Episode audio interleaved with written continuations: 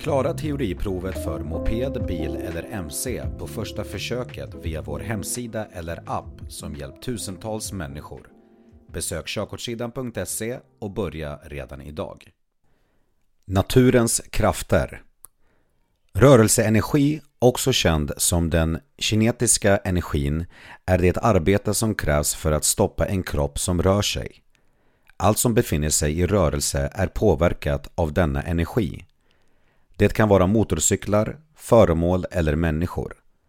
Rörelseenergin beror på hastighet och massa och ökar med kvadraten av hastighetsökningen. Om den hastigheten som ökar dubblas ökar rörelseenergin fyra gånger. Tripplar man hastigheten ökar rörelseenergin nio gånger. Friktion Fysiken definierar friktion eller väggrepp som den kraft som verkar mot den relativa rörelsen mellan två ytor som är i kontakt.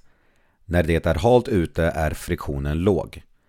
Dåliga däck leder till att väggreppet minskar ytterligare och vägar med grus har alltid låg friktion jämfört med asfalterade vägar.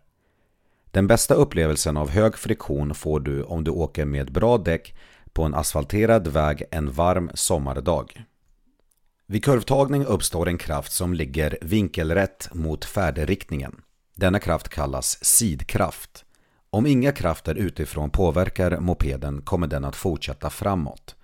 Centripetalkraften är en tröghetskraft som påverkas av massa, hastighet och hur snäv kurvradie som följs. Om du ökar din hastighet dubbelt så mycket behövs fyra gånger mer sidkraft och väggrepp för att få mopeden att svänga. Om du tredubblar hastigheten behövs nio gånger mer sidkraft och väggrepp. Du behöver ge din motorcykel en betydande mängd kraft för att svänga när du kör i 45 km i timmen. Om du däremot kör i 10 km i timmen kommer det att räcka med en minimal mängd kraft för att göra en snäv sväng.